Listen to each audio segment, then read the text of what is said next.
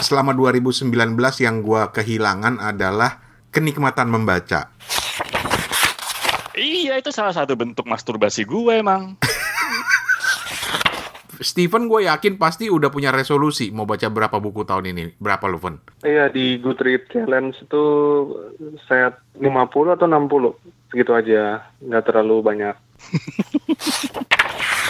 Hai, aku Jati dari Palembang. Buku apa yang pertama kamu baca di 2020? Sebenarnya aku nggak baca buku sih, aku hanya baca majalah. Sama Soli dari podcast Suka-Suka Soli.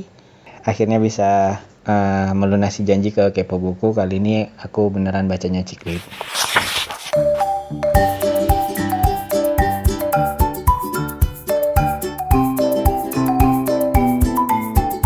Oke, sip. Gelas, gelas kaca. Ya, seperti itulah suasana menjelang rekaman Kepo Buku. Ada yang nyanyi nggak jelas, ada yang hai Kita ketemu lagi di eh eh, eh tok tok jadi kayak ini tok jadi kayak back sound. Lu nyanyi, lu nyanyi. Oke, apain? Anjir giliran ya kan giliran diajak bener aja lo. Yap. Kita ketemu lagi di Kepo Buku eh, episode perdana tahun 2002 ba- eh 2020 berarti ini season ke 10. 3. Tahu nanya.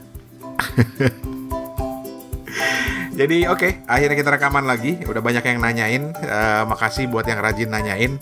Yang nggak nanyain ya nggak apa-apa. Tapi yang jelas kita kembali ngobrolin buku. Eh, fokusnya kayak buku masih belum berubah. Pokoknya kita ngobrolin buku dan segala tetek bengek di sekitarnya. Bukan Hmm. begitu, Toto? Bukan. Baiklah. Bukan begitu, Steven? Ya sepertinya lah. Hmm. Apa kabar lu pada? Lagi in the hoy. Indohoy, Lu tahu ketuaan tahun banget umurnya tua.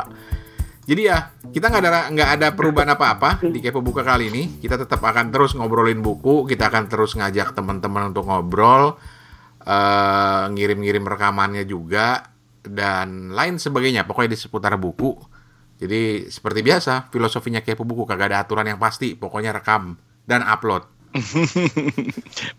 Oke. Ya, tahu. Steven, tahun baru ngapain aja lu? Selamat tahun baru, Van. Selamat Natal juga. Iya. Selamat tahun baru untuk pendengar Kepo Buku di mana pun kalian berada. Tahun baru ngapain di Ambon? Iya, ya menikmati libur aja gitu. Sama? Mm-mm. Sama hum- keluarga. Oh, sama keluarga. Sama? Sama siapa, Van? Namanya, Van. Siapa? Namanya siapa, Van? Sama adik-adik, sama ibu, ayah. Oh. Cie. Ada ketemu gede. Basi banget. ya. Lah, lu tau ke mana tau tahun baru tau? Di Kel gua. Malaysia. kemarin. Iya, loh. Gila, lu tahun baru masih kerja? Kerja dong kita mah buruh harian. Gimana coba? Gila, salut banget gue. Tuh, kok nggak ada yang nanyain gue tahun baruan di mana? itu kan uru- urusan lu mau tahun baru siapa? Lah ya kan. Dan di episode perdana kali ini kita mau cerita soal buku-buku pertama yang dibaca di tahun 2020. Kita mau ngajak teman-teman juga. Udah ada beberapa yang ngirim, Hmm. ada tiga orang yang ngirim rekamannya dan beberapa yang ngirim dalam bentuk reply aja gitu di DM kita. Banyak ya banyak. Eh, Lumayan lah. Tapi biasanya di awal tahun nih selalu eh, kalau ngelihat di teman-teman di Instagram kayak buku yang di follow tuh udah pada menyiapkan resolusi berapa buku yang akan dibaca tahun ini. Oh gitu. Sedap. Emang perlu itu perlu. Nah itu dia makanya gue penasaran. Eh, Steven gue yakin pasti udah punya resolusi mau baca berapa buku tahun ini. Berapa lu, Ven? Iya, di Goodreads Challenge itu set 50 atau 60 segitu aja. Nggak terlalu banyak. Gue gue Terlalu banyak. gue gue penasaran karena gue terus terang penasaran aja. Eh, lu ngeset jumlah buku yang pengen dibaca itu buat apa, Van? Em, buat semacam pencapaian pribadi ketika kita selesai kan kita biasanya ngasih rating tuh di Goodreads. Ah. Nah, ketika udah di rating kan udah masuk tuh. Jadi reading challenge-nya kita diikutin dengan dengan dengan mulus lah ibaratnya gitu. Dan lu selalu memenuhi target. Tahun lalu enggak, tahun lalu miss 10. Tapi ya nothing tulus aja gitu. Asik. Seru-seruan aja gitu. Hesti kalau nggak salah 60-an ya, Hesti. 100 lebih. Hah? Udah. Serius lu? Iya, reading challenge-nya kan tahun lalu. Oh. Tapi kalau di ri- yang ikut reading challenge Goodreads yang lu tahu ada berapa orang yang yang paling gede lah angka yang paling gede itu berapa? Oh, enggak enggak perhatian. Nggak pernah merhatiin. Tapi ya si ST itu udah udah udah lumayan lumayan. Udah udah rat, udah Menyentuh 100. ratusan tuh udah udah udah sebuah iya, ah, udah Ciki. fit banget. Sebu- sebuah keberuntungan. Sebab Apa sih? Iya. Mm-mm. apa sebab sebuah lu tuh ah, Lalu sebab sebab apa? Lah, kenapa jadi sebab? sebab, Sebab. oh sebab sebuah keberuntungan gitu. Mm-mm. Ya wes. Hmm. Gitu pak. Shout out dulu lah sama Tapi di- Eh, Eh, Iya, kenapa, iya, kenapa? Iya. Gue mau tahu ini apa buku-buku apa aja sih yang pengen uh, Bang Rani sama Mas Toto baca? Apa ada buku-buku tertentu atau penulis tertentu yang lagi diincar ataupun kepengen dibaca gitu? Mungkin kita bisa tahu gitu. Eh, Tok, Tok, lu yang jawab Tok. waduh, target Wishlist. Ah, wishlist buku apa ya? Aduh, gue Iya. nggak pernah punya target tuh. Lu tahu sendiri, gue asal setiap kali ke mana? Setiap kali ke toko buku selalu eh random aja ya. random, selalu impulsif, selalu nggak ada nggak ada ini. Tapi masa ada- lu nggak ada keinginan misalnya ya yang terkait dengan buku lah, bukan hanya target yang dibaca tapi Ah, ingin menjadi manusia yang lebih baik aja. alah standar. Well, gitu. Boleh, boleh. Agak-agak serem gitu apa kek? Kalau gua enggak, gua nggak ada target khusus dalam dalam ya? dalam buku kayaknya sih. Kalau gua, Tapi nah tapi apa ya nggak ada tapi tapinya sih. gue bingung, gue lagi karena gue lagi mikir bingung apa sih target buku? Nggak, Gue dalam di- hidup di- aja di akhir tahun Gua- lalu kan lu cerita lu lagi tertarik Mm-mm. tertarik baca buku soal masalah kesehatan mental misalnya. Jadi misalnya oh, tahun ini oh, Iya, mungkin tahun mungkin tahun ini apa gitu. oh, Oh, gue pengen pengen memperlebar tema, pengen melebar tema buku-buku yang gue baca. Tapi tema apa itu gue nggak ngerti, karena banyak buku-buku yang se- se- seharusnya atau tema-tema yang belum pernah gue explore gitu kan. hmm, Eh, misalnya apa ya? Gue terlalu tertarik membaca sejarah, tapi menurut gue dari tahun ke tahun pembacaan sejarah gue itu cuma sekelebatan oke. gitu. Jadi eh, kalau gue baca, gue tertarik membaca sejarah, tapi baru dalam taraf membaca misalnya National Ge- Geographic atau majalah eh, history kayak gitu-gitu. Jadi artikel gue udah suka baca. Tapi kalau buku gue udah mencoba be- beli, tapi gue gak pernah habis gitu. Kan kok berat banget sih gitu ya. Mungkin gue akan coba baca gitu. Kayaknya kayaknya gue dapat kesan, tolong koreksi kalau Mm-mm. salah. Lu tuh dalam hal membaca lebih kepada ini ini ini bukan meremehkan atau apa ya, ini bebas nilai ya. Tapi gue Mm-mm. dapat kesan lu tuh benar-benar membaca itu sebagai sebuah bentuk rekreasi aja gitu. Iya itu salah satu bentuk masturbasi gue emang. Hah? Kenapa bahasa salah? Terus terus terus terus nggak nggak nggak asik nih asik nih asik nih. Iya kan, membaca itu adalah bagian dari dari rekreasi. Menurut gua membaca itu adalah eh, di mana kita bisa dapat hiburan, tapi sekaligus bisa mendidik gitu, bisa bisa dapat apa namanya eh, insight, bisa dapat ilmu yang bagus gitu. Tergantung bacanya ya. Kalau kayak lu bacanya yang esek-esek buku kipas-kipas ya gue nggak tahu lu dapat apaan gitu. Yang Hmm. ada lu bener-bener masturbasi gitu. Tapi kalau menurut gue, kalau gue sih ya karena gue sekalian rekreasi, sekalian Lah, kalau kalau misalnya yang lu baca buku-buku ekonomi itu tuh di mana unsur rekreatifnya? lu kalau gue rekreasi ya kalau gue ngomong rekreasi ini pribadi ya Hmm. gue misalnya even dalam bentuk fisik rekreasi gue tuh selalu seneng ketika gue bisa menemukan hal-hal baru bukan sekedar Hmm, bukan hanya sekedar gua baca relaxing. novel atau apa gitu. Enggak, ya. enggak maksud gua, enggak, enggak maksudnya gua gua ngubungin, gua menghubungkan dengan kalau gua misalnya jalan-jalan gitu ya. Gua kalau jalan-jalan itu selalu lihat tempat yang kira-kira menarik yang nggak bisa gua eh, lihat di tempat lain. Misalnya Hmm. kayak gitu, enggak sekedar oh gua mau ke Bali misalnya, ngapain lu di sana ke Bali? Ya gua mau santai-santai aja, enggak gitu. Kayak misalnya gue pergi ke suatu tempat pasti gue lihat nih makanannya apa yang unik di situ. Nah, begitu juga buku kalau menurut gua karena bentuk rekreasi gue itu adalah menemukan hal-hal baru jujur aja gue orangnya bosenan gitu ya dalam dalam banyak hal gitu Hmm. jadi emang gue selalu kenapa jadi serak ya gue Nah, iya, kualat lu. jadi gue selalu mencari hal-hal baru gitu dan Hmm. kalau tem eh, istri gue bilang lu memang orangnya suka belajar gitu jadi kalau misalnya nyambung ke lu misalnya kalau gue baca tentang ekonomi ya menarik lagi ketika lu bisa walaupun gue background gue eh S1 gue Ekonomi. ekonomi gitu ya Ya. tapi menarik kan kalau lu bisa misalnya gini lah lu lu kalau dicontoh lu misalnya lu jurusan komunikasi ya Hmm. lu belajar tentang uh, public speaking atau uh, komunikasi massa misalnya kayak gitu. Cek lah, teoritis banget komunikasi massa. Terus ada orang lain nulis topik yang sama, angle-nya beda. Menurut gua menarik loh, men.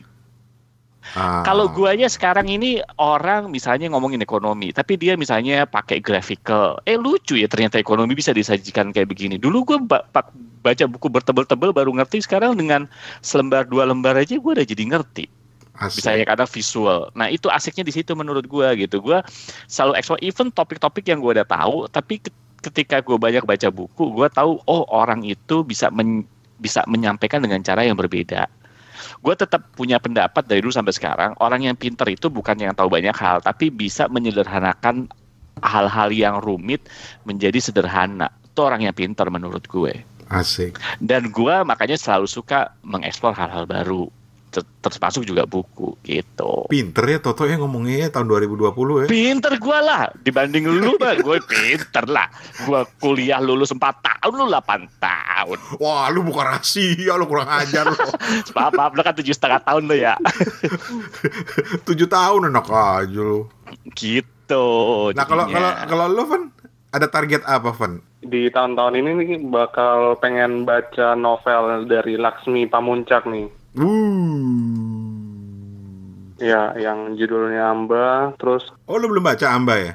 Iya belum baca, tapi ketika udah eh, menikmati beberapa bab awal tuh betul-betul apa ya, betul-betul terjun ke dalam dunia di Pulau Burunya itu dan bakal jadi bacaan yang memuaskan di tahun ini gitu. Jadi salah satu yang pengen novelis yang aku pengen baca dia, terus buku-buku ini sih buku-buku kayak yang mengetemakan problem solving gitu Bang Rane Mas Toto. Hmm. Tapi bukan itu ya, bukan self help ya, bukan self help. Bukan bukan. Bukan ya. Kalau lu Ran, kalau lu apa goals lu? Goals lu? Alhamdulillah gue ditanya ya Allah, seneng banget gue. kayak punya aja lu. Nggak ada sih. J- jangan ikut-ikut gue sama Steven Nggak lu. ada beneran. Nggak ada. Goals gue tahun Hmm. ini adalah gue pengen baca dengan lebih bener. Dalam artian Eh, gue tuh punya kelemahan untuk baca tuh selalu putus-putus dalam eh, karena mungkin eh, apa ya istilahnya ya eh, kemampuan gue berkonsentrasi pada satu hal attention span gue itu pendek Oke. jadi ngeselin ketika gue harus baca buku misalnya baru satu dua halaman gitu terus gue harus terpaksa harus tutup. Nah ketika gue harus balik itu gue harus nyari lagi tuh dari awal. Gue pengen oh tadi ini ceritanya di mana ya? Atau ini sampai di mana? Sebenarnya gue harus baca satu halaman lagi mundur lagi. Nah Oh. paling nggak sekarang target gue dan itu akhirnya berhasil misalnya pada novel yang nanti akan gue apa kumpulan cerpen yang akan gue cerita ini gue bener-bener disiplinkan untuk selesai gitu. Sehingga gue bener-bener Mm, mm, mm. menikmati banget. Jadi mungkin buat gue selama 2019 yang gue kehilangan adalah dan ini gue diingetin sama salah seorang teman di Instagram Mhm. kenikmatan membaca. Gitu Asik. kenikmatan membaca itu hilang gitu. Loh. buat gue bener-bener ke- seperti Toto bilang rekreatif gitu misalnya. Kalau gue kenikmatan membaca itu sempat sempat hilang. Jadi pada beberapa buku misalnya ada yang nggak selesai ada yang terpaksa gue putus-putus.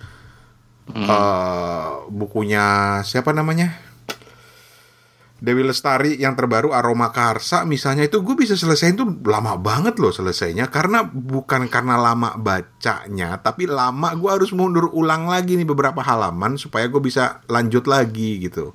Itu karena gue Oke. banyak putus-putusnya. Jadi target gue itu gue bener-bener mau kembali ke membaca rekreatif lagi. Membaca yang bener-bener bisa gue nikmati. Terlepas dari buku apa itu Gitu. Jadi lu ntar kalau kayak begitu, lu berarti akan mengerucut topik-topik yang bakal lu sukain doang dong. Hmm, nggak juga sih. Buktinya buku yang akan gua ceritain sekarang ini awalnya gua nggak pernah targetin pengen baca gitu. Gue sempet baca sekilas sekilas sekilasnya nggak menarik nih. Tapi ketika gue bener-bener karena kebetulan yang gue pilih ini kumpulan cerpen jadi misalnya kalau ketika gue baca kumpulan cerpen gue disiplinkan harus minimal satu cerpennya selesai nggak boleh gue taruh dulu bukunya gitu loh sebelum satu cerpen selesai. Alhamdulillah. Dan ternyata nikmat kok. Gue bisa menikmati kembali gitu. Paling nggak itu tar- target gue sih seperti itu. Nah tadi gue mau shout out ya. Shout out dulu sama mbak Lela Hudori. Woi. Halo Mbak Lela. Wih, keren Mbak Lela nih. Apa Sering kabar? Komen-komen ya. seneng seneng banget gitu loh Eh, dan Mbak Lela bilang ini kapan lagi kepo buku? katanya. Kangen dengerin yang lucu-lucu. Gue sedih loh Mbak Lela Kudori bilang gitu. Iya, berarti kita kagak ada isinya sebenarnya cuma lucunya doang. terus juga Steven Steven lu apa yang lu ingin sampaikan kepada Mbak Lela Kudori karena kan Mbak Lela sendiri bilang Steven ini orangnya paling serius ya di antara lu bertiga gitu Em, podcastnya seru, podcastnya topik-topiknya ajib. aja Ajib, ajib. Di gua gua gua ngerasa Steven 2020 ini agak selengean nih. Tadi aja udah harus Me- ya udah udah apa namanya udah memulai dengan kata gue. Itu itu baru pertama kali gua denger Steven ngomong kata gue loh. oh sama gua sama lu gua lu gua kok sama lu aja dia sopan karena dia tahu lu lebih tua Oh iya benar juga sih. gue sempet ngobrol sama Mbak Lela dan Mbak Lela bilang ngobrolin Steven ya maaf ya Van kita ngepoin lu Van diem gitu tapi sekali ngomong katanya kita bisa bikin orang ngakak Berarti- Iya sekali ngom sekali ngomong bisa orang terjungkal dari kursinya. nah itu dia. Justru itu lebih keren gitu. Mm, mm, mm. betul betul betul.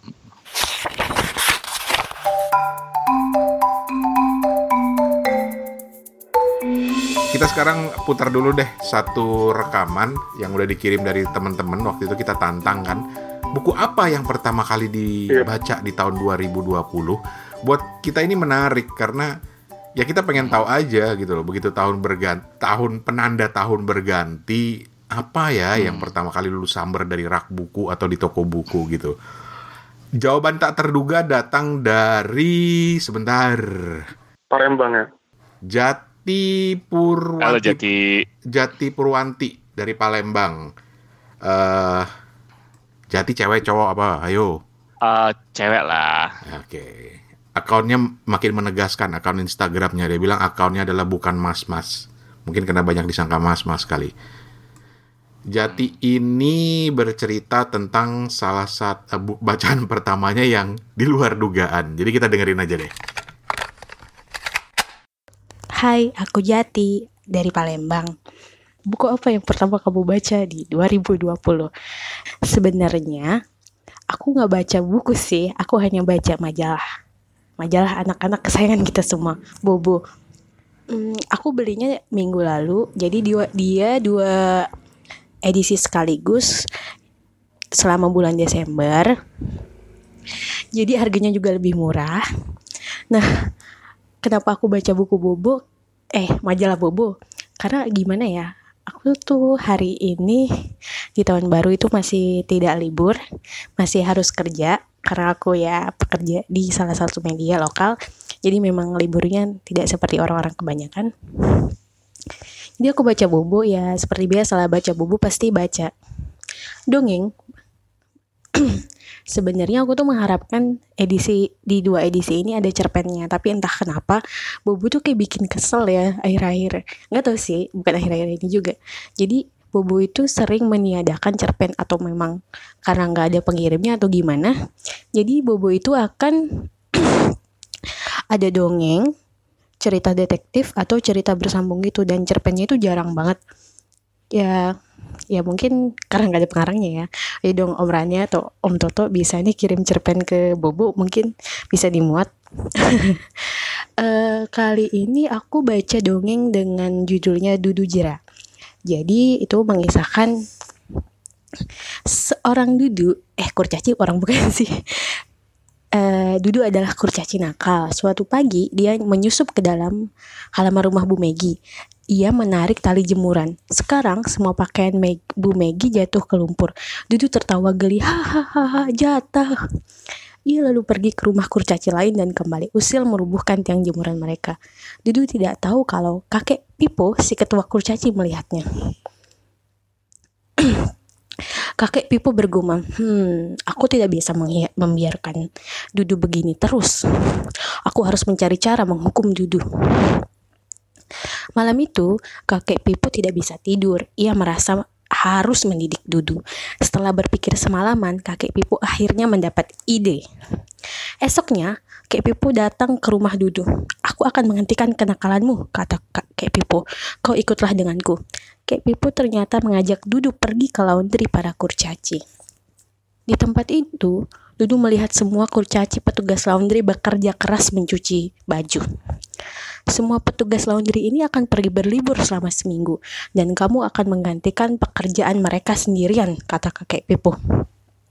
Hah? Aku sendirian? Seru Dudu panik. Ya, ada banyak pekerjaan menumpuk gara-gara kenakalanmu. Berapa banyak pakaian yang harus diuci ulang? Dicuci ulang karena kamu menjatuhkannya ke lumpur. Kata Kek Pipo. Dudu pun harus menjalani hukuman yang diberikan oleh Kek Pipo. Kini setiap hari para warga kurcaci datang ke tempat laundry, membawa semua pakaian kotor mereka. Dudu mencuci, bilas, dan mengeringkan lalu menyetrikanya sampai tangannya sakit. Akan tetapi, semua pakaian terus menumpuk dan Dudu tidak bisa berhenti bekerja. Sampai akhirnya, para kurcaci petugas laundry datang lagi setelah berlibur. Ah, betapa girang dan lega hatinya ketika mengetahui petugas laundry sudah pulang.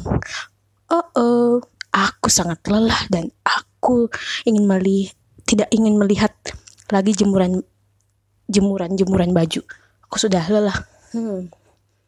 Dan strategi yang diterapkan oleh Kek Pipo dengan menghukum Dudu menjadi petugas laundry sementara berhasil.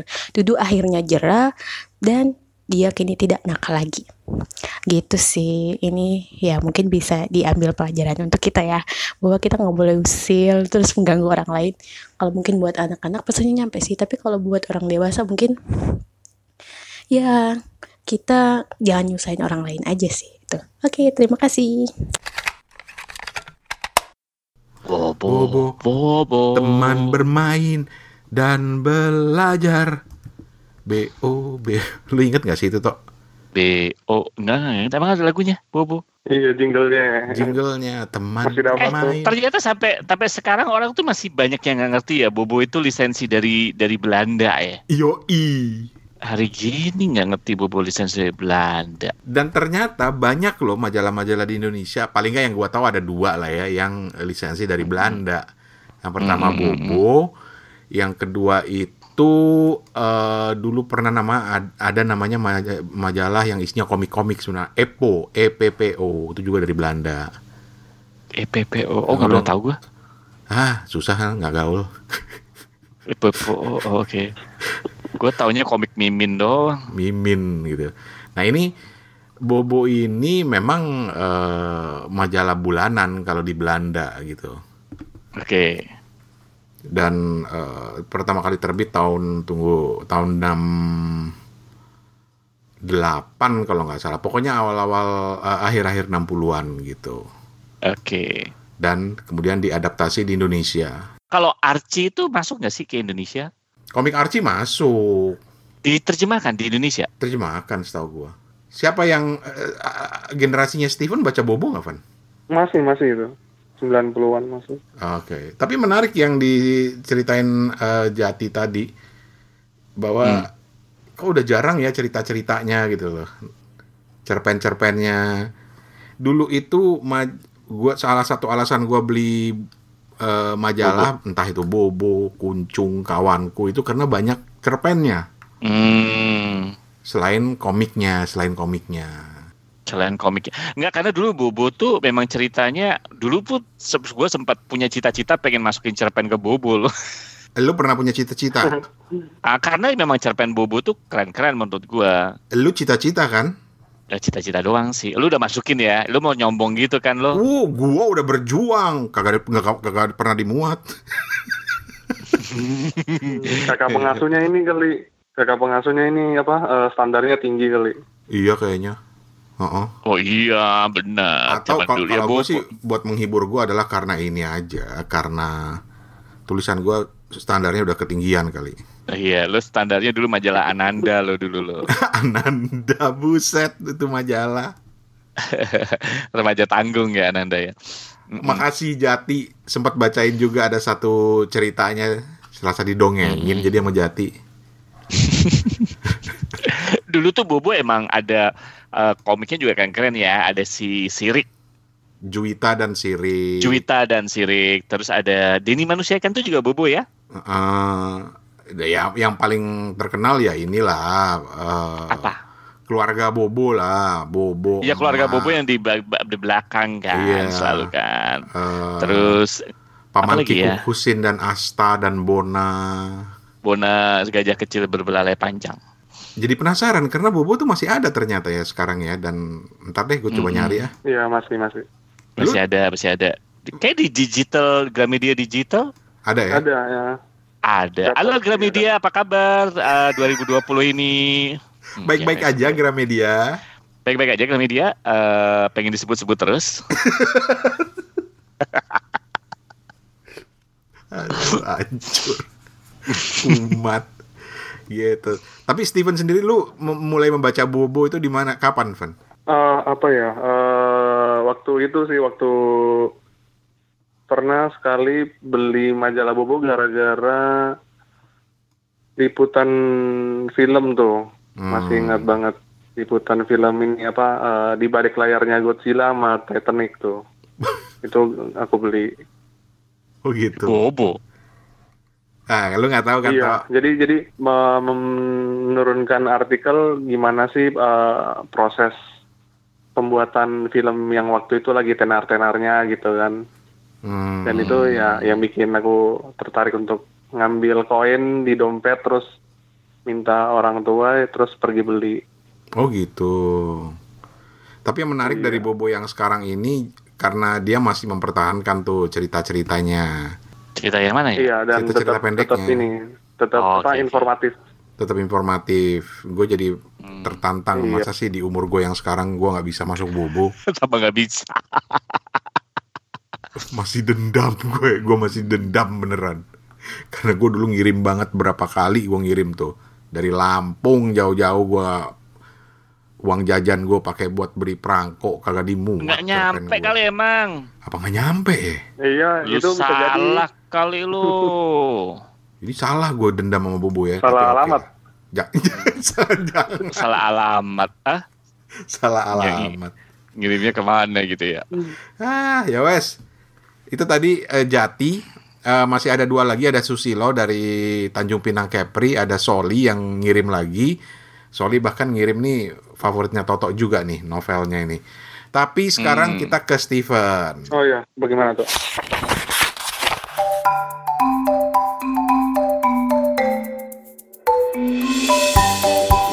Van, buku apa yang pertama kali lu buka di tahun 2020? Buku yang pertama kali itu buku bola. Iya, iya, buku bola. Bola, bola, bola apa? Iya, Kok iya? eh, bola ini eh, judulnya zonal marking. Itu bukannya pernah lu baca ya, Van? Eh, ini, ini di episode awal-awal musim-musim kemarin tuh dari penulis yang sama, Michael Cox. Nah ini buku dia yang terbaru dia jelasin narasi sepak bola modern dari Eropa gitu. Hmm. dari Belanda, Itali sampai jawara dunia sepak bola Eropa sekarang tuh berkiblatnya ke Inggris gitu. Oh, jadi lebih kepada sejarah sepak bola. Mhm. Ini udah di- lu baca yang bahasa Inggris atau yang bahasa terjemahan? Ini yang bahasa aslinya. Hmm. Ceritakan, ceritakan, ceritakanlah pada kami yang tidak paham bola ini. Eh, Toto, lu suka bola nggak, Toto? Enggak, enggak mudeng gua. Toto lagi, apalagi Enggak mudeng gua sampai sekarang juga nggak ngerti offset tuh yang kayak gimana. di kelompok ini yang lelaki sejati hanya Steven. gitu. Eh, jadi jadi ya di diceritain tuh digambarin gimana sih sepak terjang dari para pahlawan sepak bola Eropa gitu dari negara dari Belanda hingga Portugal gitu. Gimana sih figur-figur yang menjadi dewa sepak bola mereka gitu Hmm. diulas secara menarik, ditulis dengan cukup cukup uh, menarik, mengikat kita untuk untuk sampai baca terus gitu. Itu sih yang pertama. Terus ada lagi yang udah aku selesai nih karena tipis aja gitu. Apa tuh? Judulnya tuh Problem Solving 101 dari Ken Watanabe. Kalau misalnya Bang Rani atau Mas Toto udah udah pernah baca juga, Hmm. uh, mungkin aku minta pendapat dari uh, kalian buku ini gimana gitu.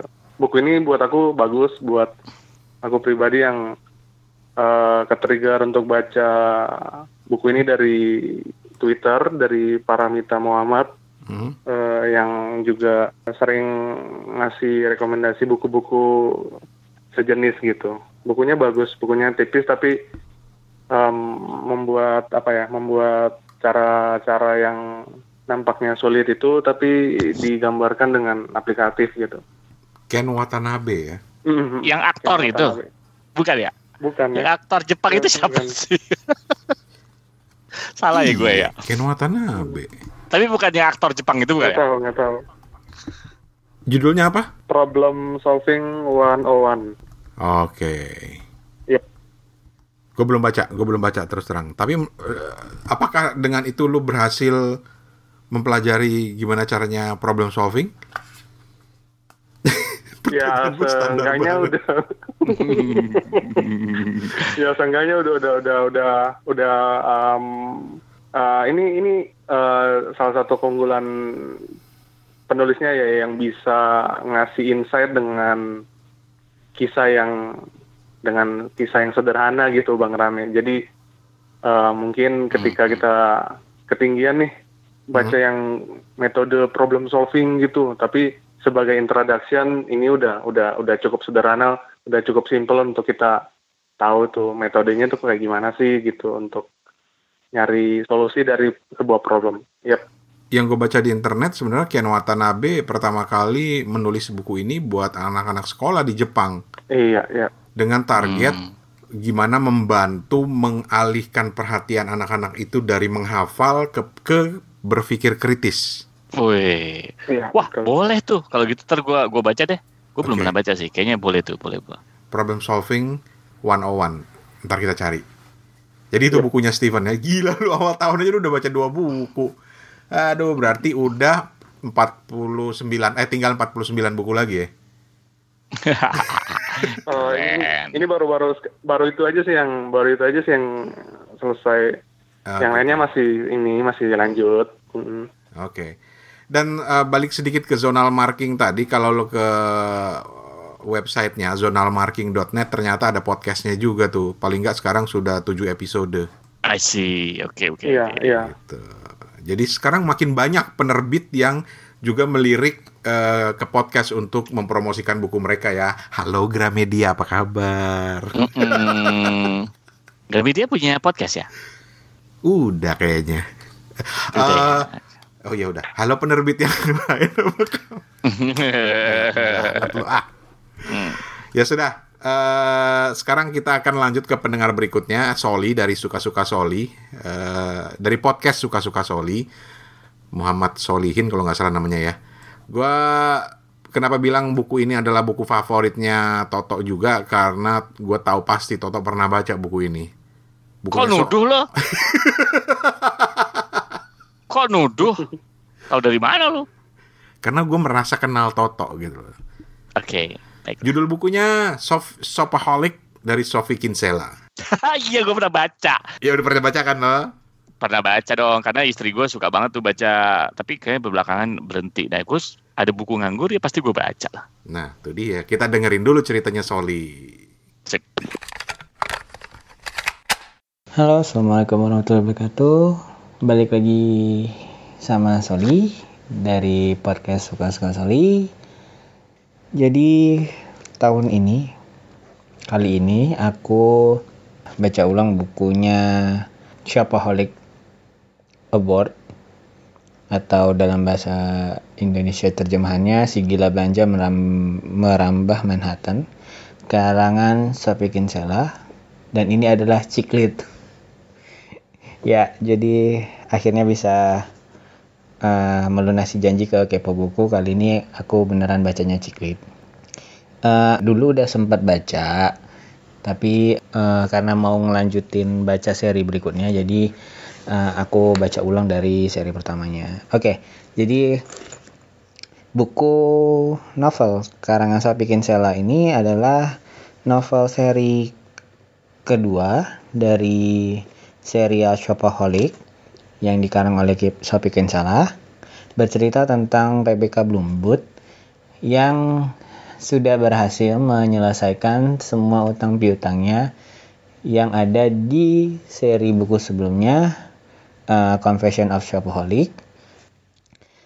Buku ini masih tetap uh, menggunakan gaya bahasanya si Sophie Kinsella yang centil, bak-bakan. Di buku kedua ini si Rebecca Bloomwood ini sudah tidak berprofesi sebagai uh, jurnalis keuangan, uh, melainkan sebagai um, presenter talk show untuk uh, sebuah acara dan pro, eh sebuah program TV yang uh, cukup populer di Inggris dan merupakan seorang shopaholic di mana beberapa bulan sebelumnya Rebecca Bloomberg sudah selesai menyelesaikan seluruh utang piutangnya tetapi uh, di perjalanannya dia mulai kembali mengulangi kebiasaannya belanja tanpa pikir panjang. Nah, di buku ini juga masih banyak ditemui contoh-contoh surat tagihan utang dari bank versi uh, bank-bank Inggris. Jadi banyak ditemukan uh, preview dari surat-surat hutang yang ditujukan ke tokoh Rebecca Bloomwood. Masih berceritakan kisah asmaranya dengan Luke Brandon, kisah persahabatannya dengan Sus, dan juga bagaimana caranya Rebecca Bloomwood selamat dari hutang piutang. Uh, itu aja deh dulu karena se bukunya belum selesai aku baca ulang. Jadi uh, terima kasih kepada Kepo Buku. Hmm, saya Soli dari podcast Suka-Suka Soli dari Medan. Pamit. Tok, jadi lu udah baca kan Sophie Kinsella kan? Sophie Kinsella gue udah baca, cuman kalau lu tanya gue judul yang mana, gue juga hafal. Tapi ya baca lah, gue baca lah. Seru gak sih? Ya kalau buat gue buat gue novel Sophie Kinsella sih hiburan sih, nggak nggak nggak berat-berat amat. Cuman ya lu kalau baca yang sopaholik ya ya gitu ya orang sampai kecanduan belanja sampai sebegitunya gitu. Dan ceritanya memang lucu gitu. Uh, banyak hal-hal yang misalnya dia minta diskon lah ke store manager mana lah atau minta refund lah kayak gitu-gitu. Lucu-lucu sih kalau menurut gua. Hmm bacaan baca gue gue gue jujur kalau tanya sekarang ya gue lupa kecuali kalau gue browsing sebentar oh yang ini gitu gue ingat gitu. gitu. dan gue baca buku itu memang uh, karena istri gue juga suka baca dan uh, ya itu salah satu itu novel lucu juga nih novel cewek gitu kan terus ya udah gue baca gitu jadi Soli tuh hmm. Toto aja baca jadi nyantai lah kalau lo mau baca novel-novel seperti ini nggak usah malu-malu share aja ke kepo buku Hmm, betul. Lagi baca buku ngapain malu ya? Iya. Jadi buku tuh tidak ada aturan lo harus baca buku apa atau dinilai orang karena baca buku apa. Santai saja. Ya nggak, Van? Iya, betul. Lu udah pernah baca Sophie Kinsella nggak, Van? Uh, belum, belum. Kali lo semua buku dibaca, Van. Ada ISBN keluar aja langsung lo lihat lo baca kali. Iya. Jangan-jangan sampai hafal ISBN ya. Iya. Tapi oke. Okay. Soli makasih banyak. Soli udah dua kali lo ngirim lo.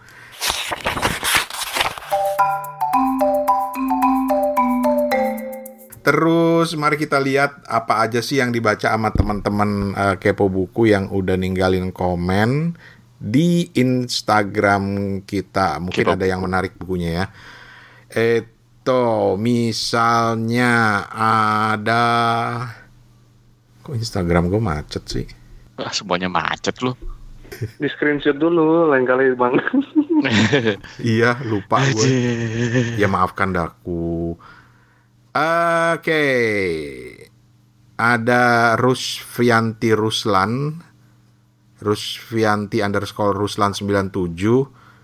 Eh, dia membaca Sirkus Pohon Andrea Hirata. Bagus ya. Belum membaca juga gue sih. Oke. Ada Khairil Fatih yang rajin banget nagihin kenapa kepo buku belum keluar.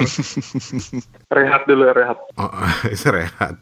Jadi dia baca Seri Menanti Joko Pinurbo dan ini dia tergoda gara-gara eh, kita pernah ngulas soal episode surat kopi gitu. Iya. Terus IBI di Jerman buku pertama tahun 2020-nya adalah Permanent Record Edward Snowden. Ah, keren nih kayaknya nih. Itu tentang apa? Itu tentang apa?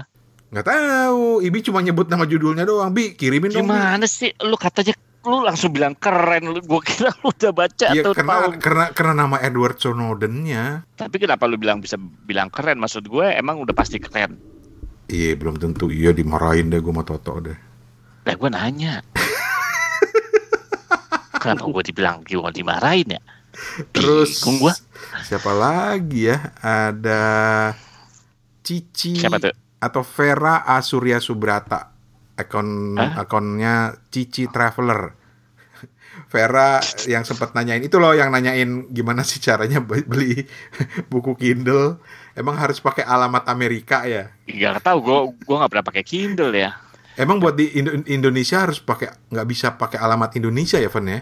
Iya. Nggak nggak terlisensi ya. Belum. Tapi tapi eh, kapan-kapan mungkin ya kalau ada yang tahu tentang lisensi buku tuh gue pengen tahu sebenarnya. Kayak misalnya gini ya, lu kan gue pernah ceritain ya, kayak misalnya iBooks gitu ya, iBooksnya Apple gitu ya. Gue bingung loh, dia sampai sekarang pun nggak masuk ke Singapura, Hmm. nggak masuk ke Singapura gitu. eh tapi dia udah masuk ke Filipina. bisa jadi lisensi sih termasuk Kindle misalnya gua ketika Vera nanya Hmm. gua langsung Hmm. uh, take for granted bahwa gua nggak pernah masalah gitu sampai kemudian gue inget oh Kindle gua tuh masih pakai alamat Jepang Oh iya gitu. jadi gampang bener-bener. bahkan ketika kartu kreditnya gue pindah ke kartu kredit Indonesia gue tetap bisa beli Hmm. Steven pakai alamat India Iya. kenapa Van lo pakai alamat India Van Eh, buku-buku di Kindle India tuh Amazon India tuh lebih murah dari US misalnya. Hmm. Terus cara dapetin alamatnya gimana Van Ini tuh kita Google. Lo nggak hack lo. tuh apa? jadi lu ke Google sembarang alamat di India gitu Iya. Iya. Address India gitu. Hancur. Kasian banget ya kita jadi pembaca Kindle. Aduh, nih Amazon gimana sih? Nggak masuk Iya masuk nih. ke Indonesia. Enggak, tapi tapi tapi eh, ngomong-ngomong itu mungkin jangan-jangan sebenarnya eh, itu sebenarnya kayak film ya. Jadi jadi ada ada yang udah ditunjuk misalnya distributor gitu ya di Hmm. sebuah negara itu yang yang dia mengikat gitu sehingga kalau penerbit mau ngejualin bukunya langsung dia juga nggak bisa karena dia terikat sama lisensi Barangkali. ya Tapi dari hasil nanya-nanya juga, eh, salah satu jalan keluar buat yang suka baca buku Kindle adalah pakai gift card. Nah, tapi kalau gift card itu kan sebenarnya eh, lu harus pakai alamat luar juga kan? Oh, tetap alamat Jadi gini, ya? kalau kalau Iya, setahu iya. gue ya, setahu setahu gue ya, kalau gue kasusnya iTunes ya, kasusnya iBooks ya. Jadi gini, gift card itu juga per negara. Misalnya gini, kalau gue pakai pakai alamatnya kalau di, di iTunes dan iBooks ya, alamat gua untuk dapetin itu pertama gua harus pakai email address yang beda, kemudian alamat US. Alamat US nggak masalah, lu bisa dapetin eh, dari misalnya eh, email atau address forwarder itu banyak banget address forwarder itu memang legal gitu. Lu nggak nggak nggak ngambil alamat orang, emang ada gitu. Karena ada orang yang eh, lu tahu ya email forwarder atau address forwarder tuh bisanya lu ngirim barang ke sana, kemudian dari sana baru dikirim ke Singapura gitu. Itu biasanya dia lebih murah gitu kan. Lu bisa punya alamat itu. Nah, alamat itu lu ini tapi ketika lu isi top up top up lu nggak bisa pakai gift cardnya yang gue beli misalnya di 7-Eleven-nya eh, Singapura gitu nggak bisa. Gue harus top up dengan gift card gue yang dari US gitu. Nah, di mana gue bisa dapetin gift card US? Ya beli di internet ada. Kelemahannya adalah ya pasti lu dengan kena fee kan gitu kan kadang orang jual di internet pasti kalau misalnya 50 dolar US pasti lu dia jualnya mungkin 55 atau bahkan lebih dari itu 60 gitu. Jadi harga jual bukunya jadi jatuhnya lebih mahal. Sedih banget ya di Indonesia, kasihan banget. Enggak cuma di Indonesia, gue di Singapura juga begitu. Emang lu pikir? Ada apa gue bisnis jualan buku Kindle aja kali ya. Soalnya ada nih satu website tapi gue nggak berani share di sini karena dia tidak tidak bukan official gitu tapi dia bisa membantu orang beli buku Kindle. Gue nggak mau share di sini tapi kalau lo pengen tahu DM aja ke gue atau ke Kepo Mm-mm. Buku. Gue nggak mau promosiin soalnya. Oke.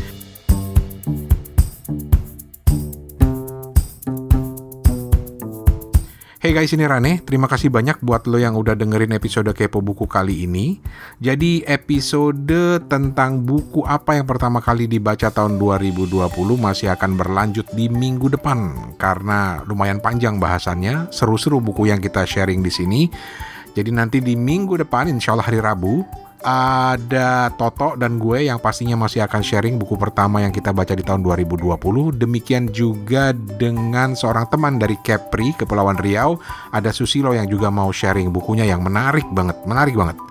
Dan tentu saja kami juga mengajak eh, teman-teman untuk ikutan nimbrung di obrolan kita dengan cara mengirimkan cerita-cerita tentang bukunya, review-review buku atau cerita-cerita lain tentang buku. Pokoknya kirim ke kita dalam bentuk rekaman, kirim ke suarane@gmail.com itu bisa atau juga ke WhatsApp 087878505012 seperti Jati tadi yang mengirimkan lewat email atau Soli yang mengirimkan lewat eh, WhatsApp. Kalau di WhatsApp ya bisa langsung rekam di voice note di WhatsApp atau eh, bisa juga direkam dulu pakai aplikasi rekaman di handphone terus nanti di attach ke WhatsApp. Sekali lagi 087878505012. Biar seru, kita ngobrol bareng di sini. Pokoknya ngobrol santai aja, nggak usah tegang-tegang, nggak usah takut-takut, nggak usah kaku-kaku. Kita ngobrol dengan santai. Apa pun, pokoknya soal buku. Jangan lupa subscribe juga ke Kepo Buku di aplikasi-aplikasi podcast yang ada di handphone kalian. Dan akhir kata atas nama Steven Sitongan di Ambon, Hertoto Eko di Singapura, terus juga ada dua teman kita yang ikut mengirimkan cerita tentang bukunya. Tadi ada Jati di Palembang dan juga ada Soli di Medan. Gua Rane Hafid pamit. Terima kasih banyak atas perhatiannya. Selamat membaca, terus membaca, jangan berhenti membaca. Sedap. Udah kayak pejabat belum ngomongnya gue. Udah, pamit. Assalamualaikum.